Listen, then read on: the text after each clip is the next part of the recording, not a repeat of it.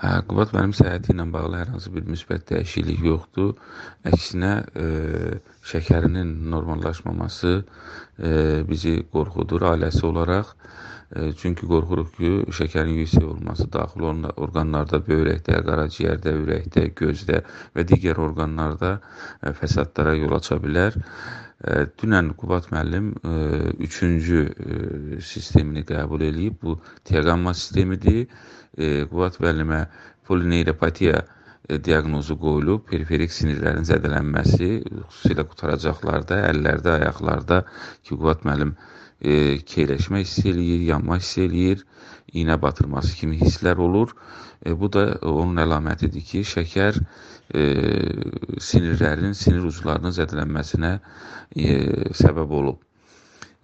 Bu sistem bitəndən sonra, daha sonra daha yüksək dozada e, tabletka, tiaqammanı tabletka şəklində bir ay e, qəbul etməsi, 600 mq-lıq tabletkanı qəbul etməsi həkim tərəfindən təyin olunub.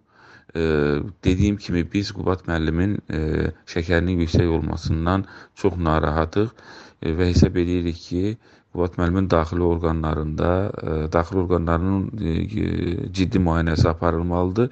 Bununla bağlı artıq mən dünən Zibeydə xanımla, Qubad müəllimin vəkili ilə Zibeydə Sadıqova ilə söhbət elədim müzakirə elədik və belə qərara gəldik ki, ilk növbədə Qubad müəllimin ürəyindəki problemlərin aşkara çıxarılması üçün, yəni sonradan yaranan, təbii ki, Qubad müəllimin ürəyində aortanın anevrizması var və şəkərin yaradacaq biləcəyi problemlərin aşkara çıxarılması üçün Qubad müəllimin anji olunması ə, məqsədi ilə Ədliyyə Nazirinin Tibb Baş İdarəsinə müraciət edək.